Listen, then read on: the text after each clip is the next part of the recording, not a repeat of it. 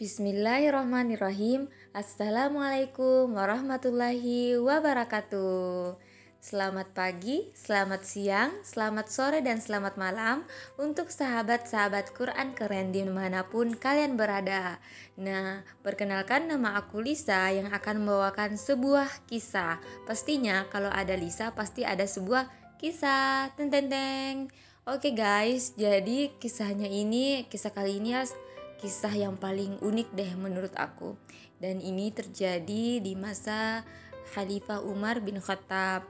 Nah, jadi judulnya itu guys, dideportasi karena terlalu ganteng. Hah? Maksudnya gimana? Ya benar teman-teman. Jadi diriwayatkan bahwa pada masa Umar bin Khattab ada seorang wanita yang selalu merindukan seorang pria bernama Narsh bin Hujaj. Dia ini ganteng, Rambutnya indah ikal sepundak. Sampai-sampai perempuan-perempuan pada masa itu nggak mau nikah kecuali sama dia. Eh ini mah bahaya kan ya. Halunya cewek-cewek ini sampai ngeliatin terus Nars diam-diam.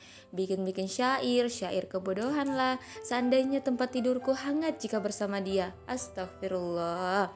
Ada cewek lain yang sampai minum arak. Buat ngehalu gitu, bayangin jalan bareng dia, macam-macam lah. Dan Selanjutnya, Umar sebagai pemimpin masa itu dengarkan beritanya, wah ini mah udah keterlaluan kan? Panggil pria itu. Pas pria itu muncul depan Umar, oh emang ganteng. Oke, jadi terjadilah dialog atau percakapan antara mereka berdua. Kamu sudah membuat kesalahan. Salah saya apa Umar? Kamu terlalu tampan. Hah, tapi kan saya terlahir seperti itu.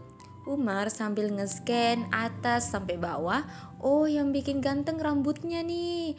Gantengnya kamu bikin resah. Untuk ngurangin kegantengan kamu, rambut kamu saya potong. Potongnya nggak tanggung-tanggung guys, sampai botak, gundul. Pria ini malu kan karena gundul.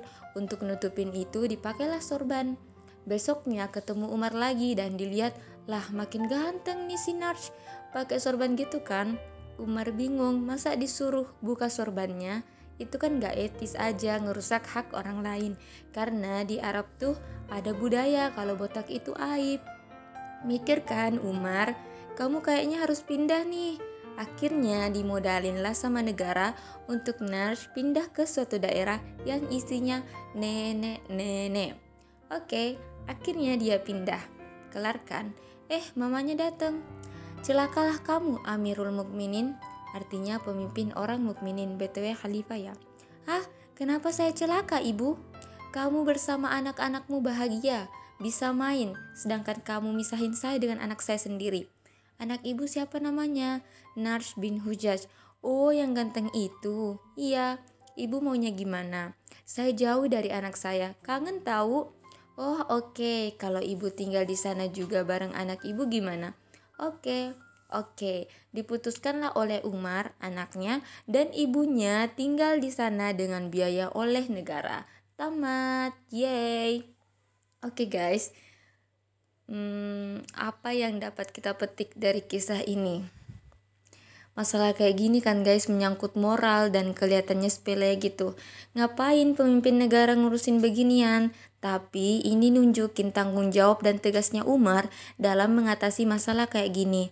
Karena mulai dari rusaknya moral bisa ngerembet ke kehidupan sosial, ke spiritual seseorang. Lagi sholat fokusnya ke dia kan gak banget.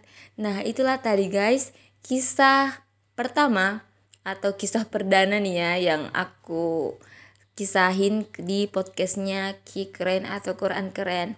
Tunggu episode selanjutnya ya guys. Tetap mendengarkan Quran Keren. Sahabat taatmu, teman taatmu, Quran Keren. Bye bye. Assalamualaikum warahmatullahi wabarakatuh.